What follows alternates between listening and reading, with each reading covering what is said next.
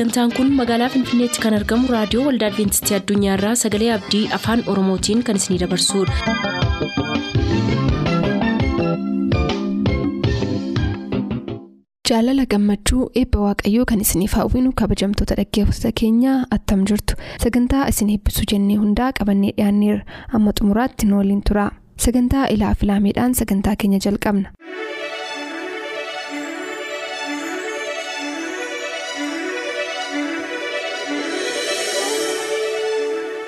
Ilaaf ilaamee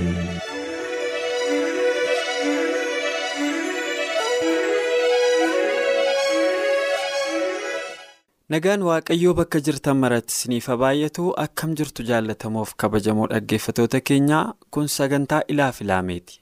Sagantaa kana jalatti walitti fufiinsaan kitaaba tajaajila fayyisuu isiniif seenessaa turuun keenya ni yaadatama har'as kitaabuma kana keessaa boqonnaa salgaffaa kutaa tokkoffaa isiniif qabannee dhiyaanneerra. Qophii kanaan hedduu eebbifamtu inni abdii qabna nu wajjin turaatii sagantaa kana hirmaadha.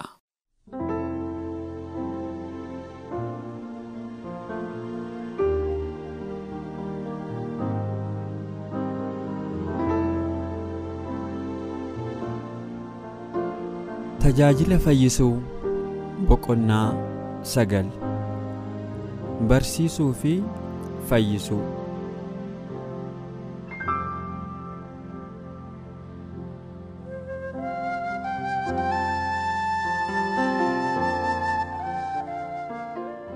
Kiristoos imala ergama wangeelaa isa jalqabaa irratti bartoota yeroo ergee akkas isaaniin jedhe akkuma dhaqxaniinis mootummaa waaqaa dhiyaateera jedhaa lallabaa warra dhukkubsatoota fayyisaa warra du'an kaasaa warra lamxaa'an qulleessaa hafuurota hamoota baasaa gatii utuu itti hin baasin fudhattan isinis gatii utuu itti hin baasin kennaa jedhe. Warra torbaatamaa boodaan ergamaniin immoo akkas jedhe. Mandara tokkotti galtanii yoo isin siman waan isiniif dhiyaate nyaadhaa dhukkubsataa achi keessaa fayyisaa sabaa achi jiraniinis mootummaa waaqaa isinitti dhiyaateera jedhaa isaaniin jedhe. Humniif argamuun kiristoos isaanii wajjin ture. Jarreen torbaatamii lamaanis guddaa gammadaa deebi'anii dhufanii yaa gooftaa maqaa keetiin yommuu isaan abboomne hafuuronni hamoonni iyyuu nuuf abboomaman jedhan. Erga kiristoos ol ba'ee booda hojii wal fakkaataatu itti fufee ture. Taateen tajaajila isaatii irra deebi'ame. Mandaroota naannawaa yerusaalemis namoonni danuun dhukkubsatootaa fi warra hafuuronni hamoonni rakkisan fidanii dhufan.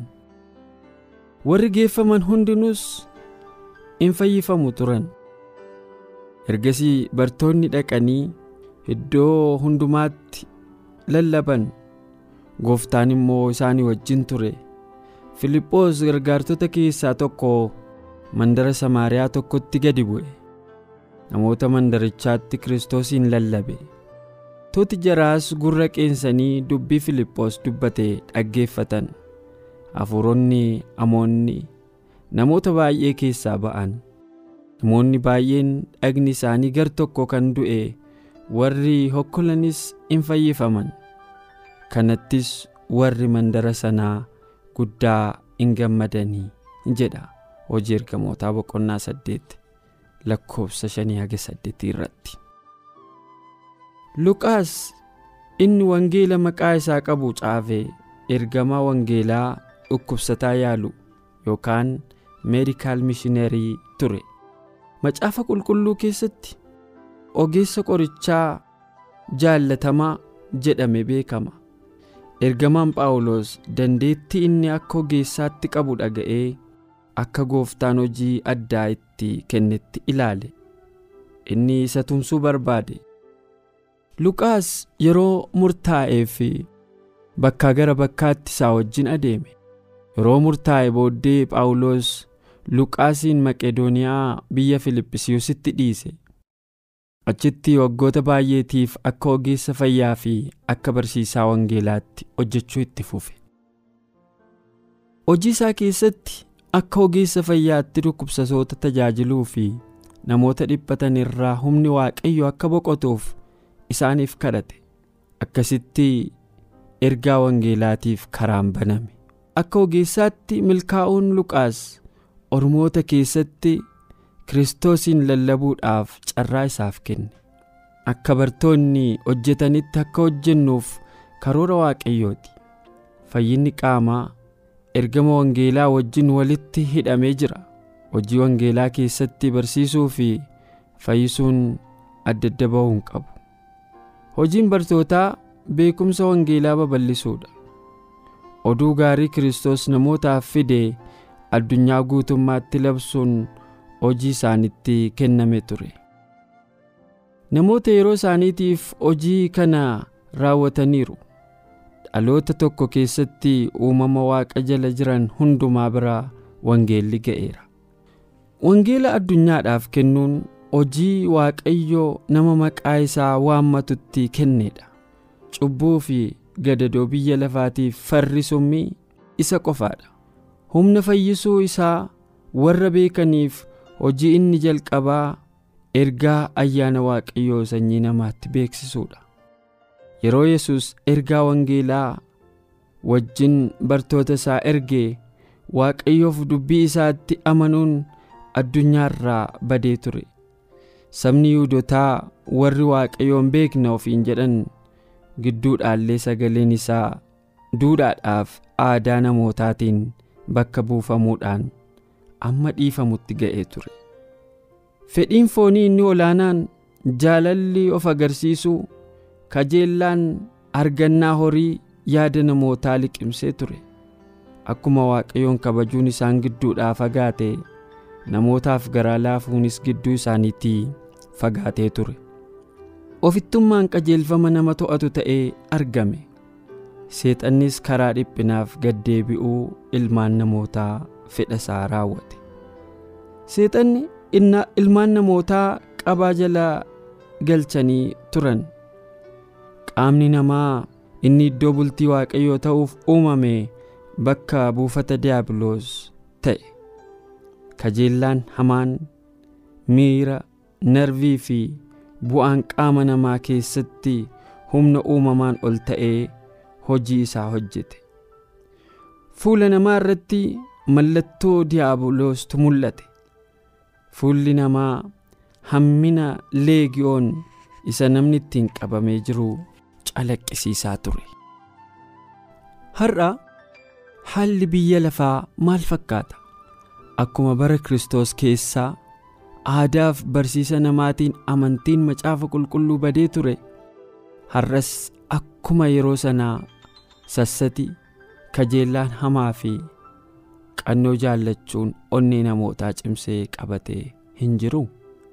Addunyaa kiristaanaa waldaa kan kiristoos jedhaman keessatti illee qajeelfama kiristaanaatiin kan geggeeffaman attam muraasa. Daldala keessatti hawaasummaa keessatti mana keessatti amantii keessatti illee taanaan jireenya guyyaa guyyaati keessatti barsiisa kiristoosiin qajeelfama isaanii kan godhatan attam muraasa ta'aa jiru. Inni kanaafis qajeelummaa fi firdii qajeelaa kennuun nurraan fagaatee dhugaan yaa'ii guddaa keessatti karaa irraa hin jallifame namni wanta hamaa irraa gorus hin saamamaa jedhamee caafame sun dhugaadha yeroo yakki babal'atee namoonni yaada qajeelaa qabanii fi waaqayyoon sodaatan bakka hundumaatti sodaadhaan dhaabbatan keessa jirra. Manca'iinsa amilee qalamaan barreessanii ibsuun hin danda'amne raawwatamaa jira. Guyyaan hundumtuu jeequmsa siyaasaa matta'aa kennuu waliin dhahanii horii argachuu fidee dhufaa jira. Guyyaan hundumtuu hamminaaf seera maleessummaa onnee nama dhukkubsu isa dhiphina namaatti dhimma hin qabne. Gara jabinaa fi hammina gadhee lubbuu namaa balleessu fidee dhufaa jira.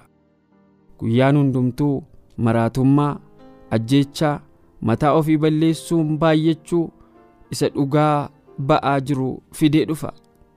Seexanni sammuu namaa mancaasuu fi balleessuuf qaama namaas xureessuuf dhabamsiisuuf itti fufee namoota gidduutti hojjechaa akka jiru shakkuun hin danda'amu. Yeroo addunyaan hamminaa kanaan guutamtee jirtu wangeelli inni sammuuf jireenya namootaa irratti dhiibbaa geessisuu danda'u maal dhibdeedhaan namootaaf dhiyaataa jira. Bakka hundumaatti onneen namaa waan hin qabneef utuu iyyuu dhaga'amaa jira. Isaan humna cubbuu irratti mo'icha isaaniif kennu humna gabrummaa hamminaatti isaan fayyisu humna fayyummaa nagummaa fi jireenya isaaniif kennu fedhaa jiru. Baay'oonni warri si'a tokko humna sagalee waaqayyoo qabu hubatan lafa jiraachuun waaqayyoon beekamne jiraataa jiru. Argamuu waaqayyoos hawwaa jiru. Addunyaan mul'ata Kiristoos isa jaarraa kudha sagal fuula duraa ishee barbaachise har'as barbaadaa jirti. Hojii haara'umsaa guddaa isa karaa ayyaana Kiristoosiin sammuu qaamaa fi hafuura haaresse keessatti deebisutu barbaadama. Namoota bira ga'uuf milkaa'insa dhugaa kan fidu tooftaa Kiristoos qofaadha. Fayyisaan waan gaarii isaaniif hawwuudhaan namootatti makame.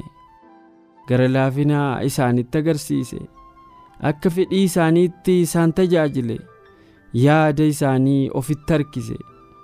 Ana duukaa bu'aa isaaniin jedhe.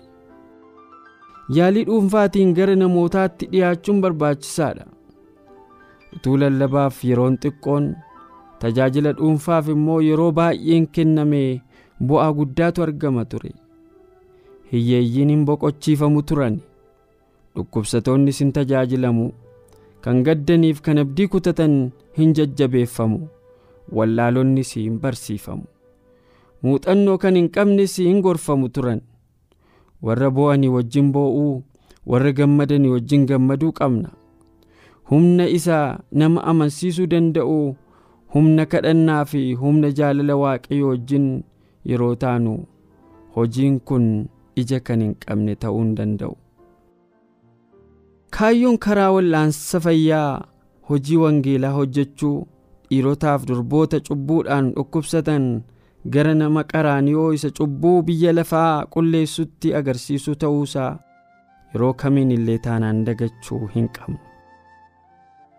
gara isaa ilaaluudhaan garaa keenya isatti jijjiiruu danda'uun nurra jira.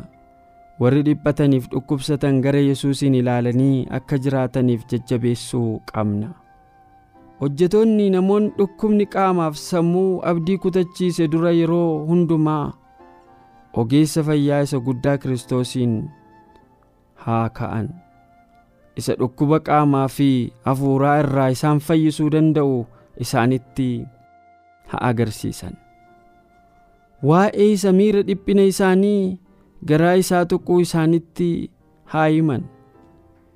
Jireenyi bara baraa kan isaanii ta'uu akka danda'utti lubbuu isaa isa isaaniif kenne harkatti akka of gataniif isaan haa jajjabeessan. Jaalala isaa dubbadhaa humna fayyisuu isaas hima. Kun hojii guddaa fi carraa gati jabeessaa warra karaa fayyaa wangeela lallabaniiti. Tajaajilli dhuunfaa immoo kanaaf karaa qopheessa. Waaqayyo yeroo baay'ee yaalii keenyaan dhiphina qaamaatti boqochiisuuf onni namootaa bira ga'a. Hojiin karaa tajaajila fayyaa wangeelaa lallabuu hojii wangeelaatiif isa jalqabaati.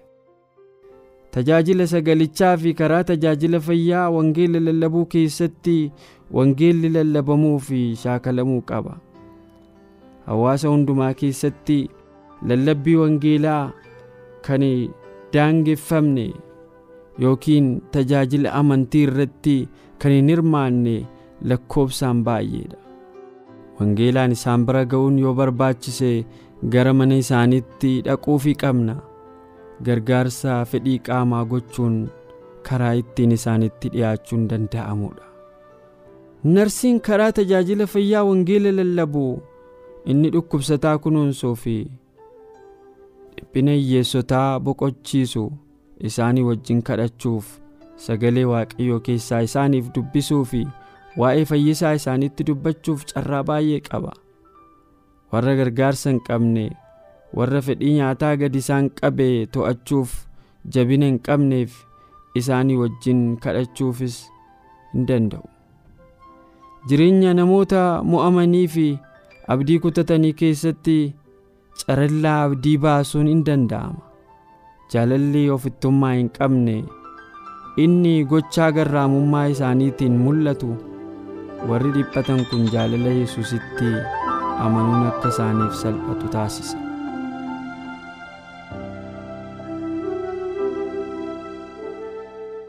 Egaa jaallatamuuf kabajamoo dhaggeeffatoota keenyaa qophii keenya har'aa kana fakkaata. Akkan abdadhutti sagantaa kanaan baay'ee eebbifamtaniittu irraa barattaniittu jedheen abdii qaba. Yoo fedha waaqayyoo ta'ee sagantaa keenya isa hafe yeroo itti aanu isiniif qabannee dhiyaannaa hammasitti nagaan waaqayyoo isiniif haa baay'atu nagaan nuuf tura.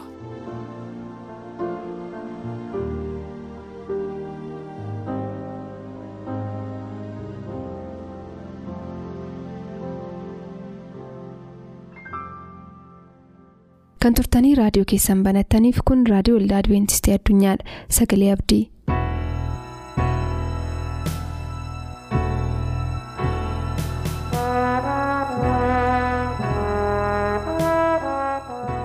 ayyaanni waaqayyoo hunduma keessanii wajjin haa ta'u. Yeroo kana walii wajjin kan ilaallu kiristoos hojii isaatiif namoota waamuu kan jedhu ta'a.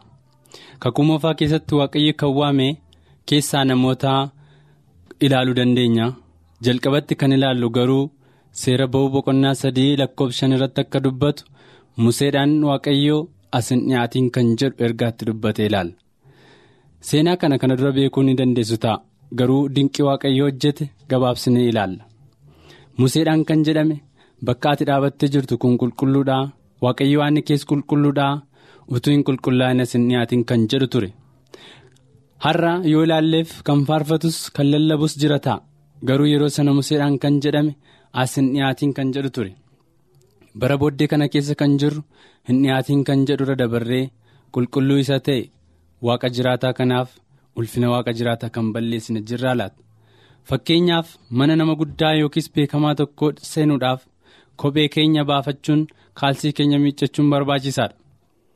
Har'a eegaa mana nama foonii galuuf kan hundumaa goona erga ta'e mana waaqayyo waaqa jiraataa gooftaa gooftotaa isa ta'e galuudhaaf maal gochaa jira? Kophee keenya kaa'annee yommuu adeemnu miidhaa baay'ee nurraa eegaa nu gargaarus danda'a ta'a? Haa ta'u malee kopheen keenya ni dhuma ni hodhama. kan kana fakkaatu ofitti baasii kiristoos duratti gad of deebisi kan jedhu sagalee waaqayyooti.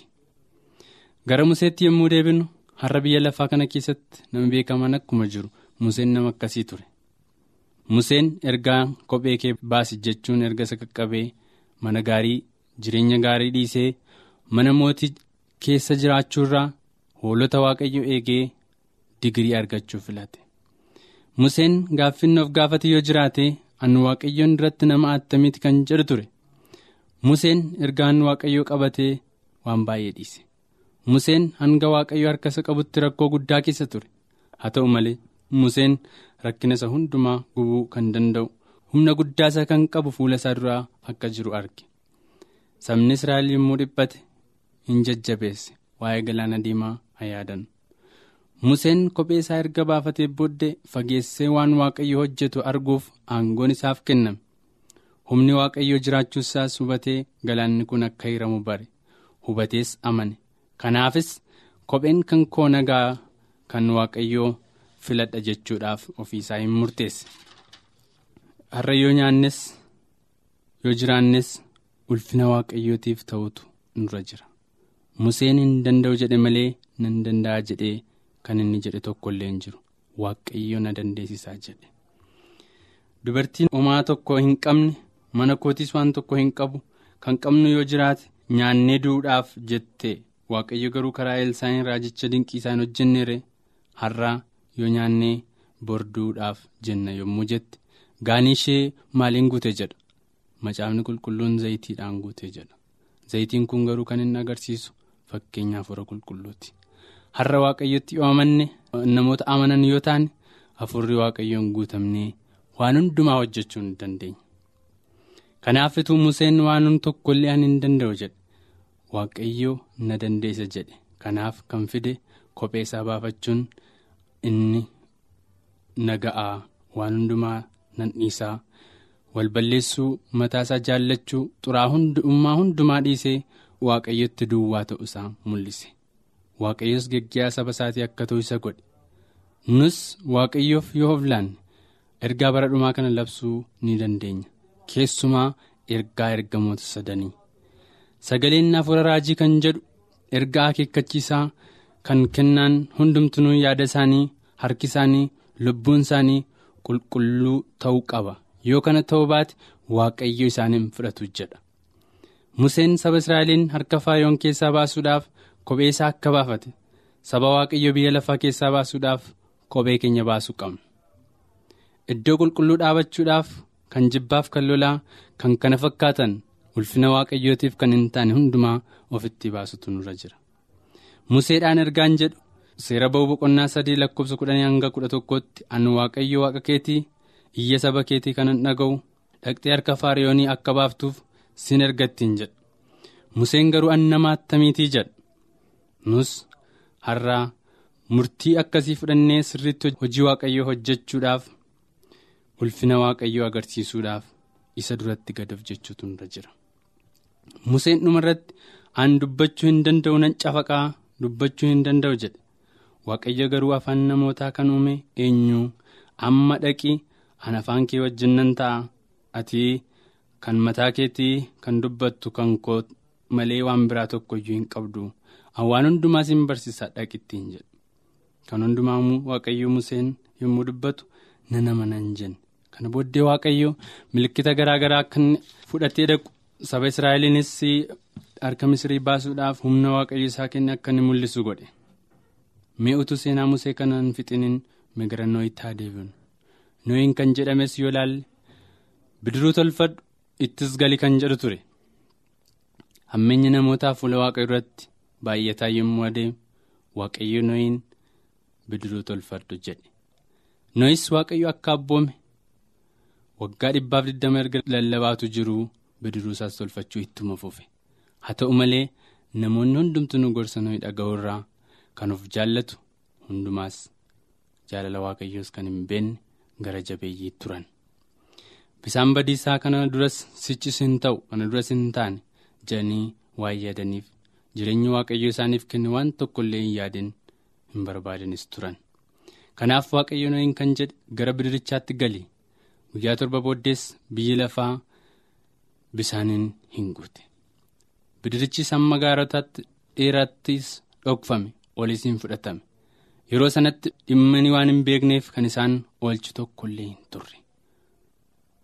Bidiruun kun har'a waldaa keenya keessatti kan fakkeeffamtudha nuyi bineensota keessaa kormaaf dhalaa wajjin gara bidirichaatti gale. Namni akka bifa waaqayyotti uumame sagalee waaqayyo waan dhaga'u dideef bineensonni bakka namootaa itti galuu danda'an nana mana bidiricha keessa fooliin gaarii akka hin turre.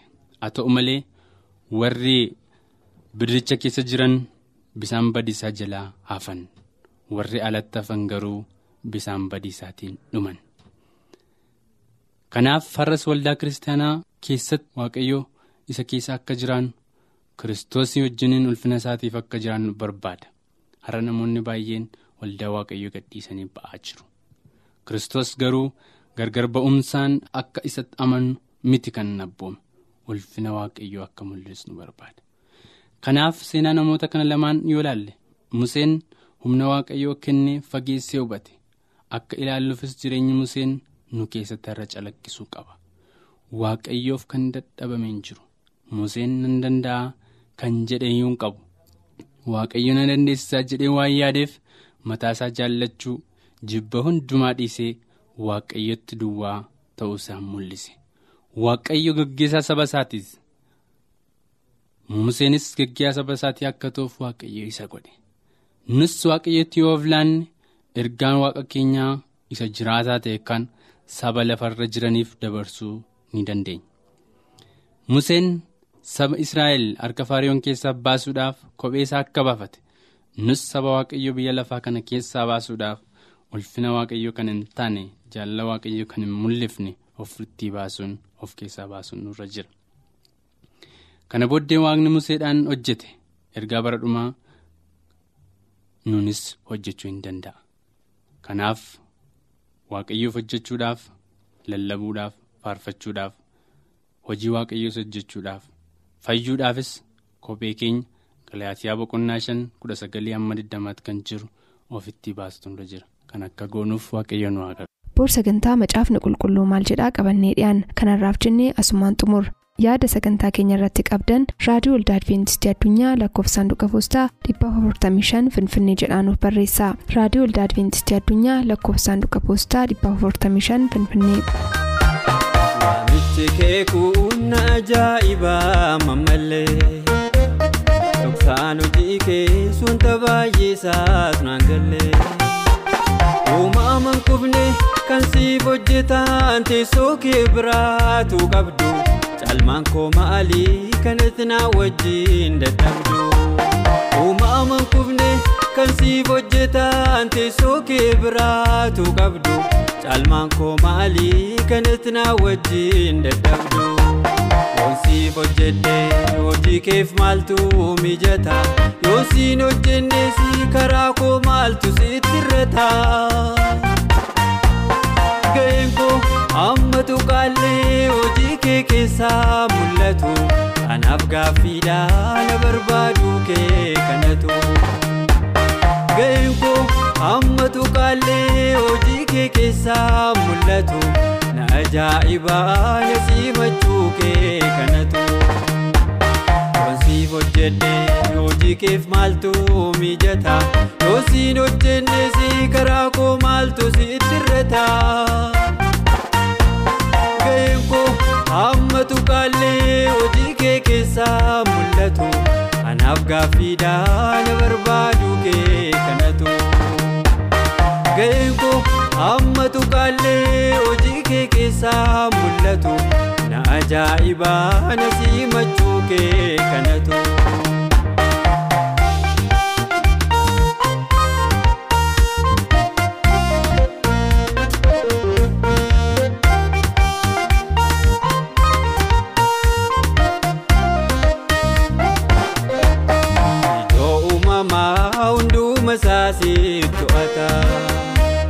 Sagaleen kan keessonni nama hundaa mo'ata. Jaalalaan ta'us feetus dirqiidhaan samiif dacheesii geggeessa. Yaaliin dhuunfaa koo kamtuu hojii kee milkeessa. Jaalalaan ta'us feetus dirqiidhaan samiif dacheesii geggeessa. Yaaliin dhuunfaa koo kamtuu hojii kee milkeessa. Yoosiif hojjedhe hojii keef maaltu mijata Yoosiin hojjenne si karaa koo maaltu sitti irrata Ga'een koo amma tuqaallee hojii kee keessaa mul'atu Kanaaf gaaffiidha na barbaadu kee kanatu geenko ammatu qaallee.